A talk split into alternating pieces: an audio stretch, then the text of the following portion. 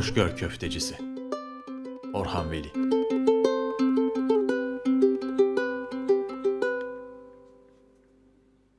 Size bu yazımda üç masalı bir balıkçı meyhanesinde gördüğüm bir dünyadan bahsedeceğim. İşiniz düşer, bilmediğiniz bir semte kalırsınız. Yemek zamanı geçmiş, karnınız acıkmıştır. Bir aşçı dükkanı bulsam da iki lokma bir şey yesem dersiniz. Dolaşırsınız, sağa bakarsınız, sola bakarsınız. Yiyecek bir şey göremezsiniz. Dükkanların cam mekanları, musluklar, testereler, ip yumakları, kurşun borular, talisiye simitleri cinsinden mallarla doludur. Dünyanın manasız bir dünya olduğuna hükmedeceğiniz gelir. Üzülmeyin. Bu manasız dünyanın hiç ummadığınız bir yerinde, kapısından dört bir yana nefis kebap kokuları yayılan bir kebapçı dükkanı ile karşılaşmanız imkansız değildir. İşte ben de o üç masalı balıkçı meyhanesini öyle bir yerde buldum. Daracık kapısından içeriye girerken aksi bir laf mı söylemişim nedir? Ters bir müdahaleyle karşılandım. Bir ses, ''Ne kafa tutuyorsun? Otursana.'' dedi. Üstelik bu sesin sahibi bir kadındı. Neye uğradığımı anlayamadım. Oturdum.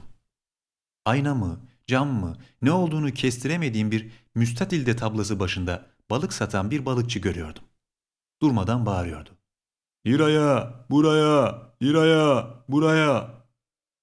Ağız hareketlerinin sonradan seslendirilmiş filmlerdekilere benzer bir hali vardı. Sanki bu ses o ağızdan çıkmıyordu. İlkin yadırgadığım bu hale sonra sonra o kadar alıştım ki hani 5-10 dakika susacak olsa adeta rahatsız oluyordum.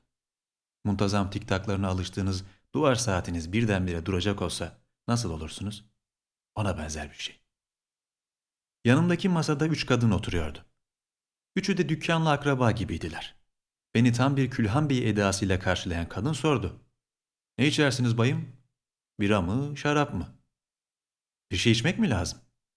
Şarap olsun öyleyse.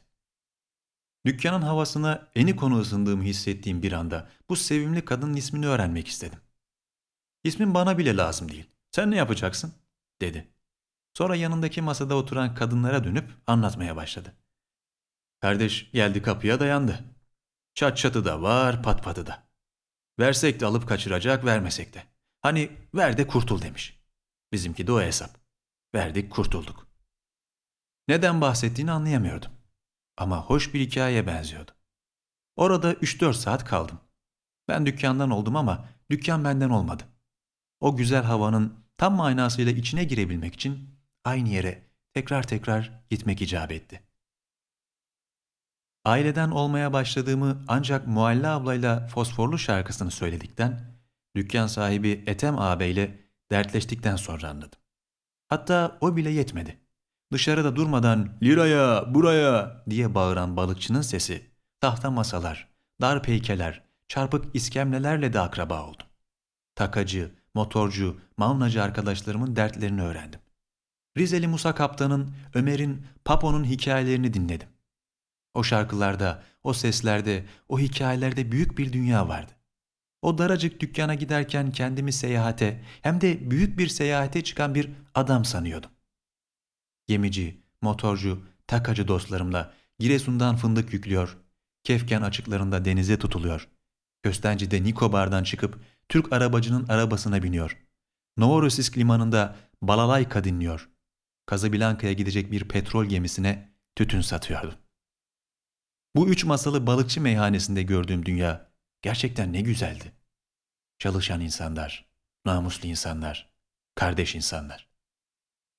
Güzel bir dünyada yaşamak istiyorsanız siz de öyle bir meyhane bulunuz.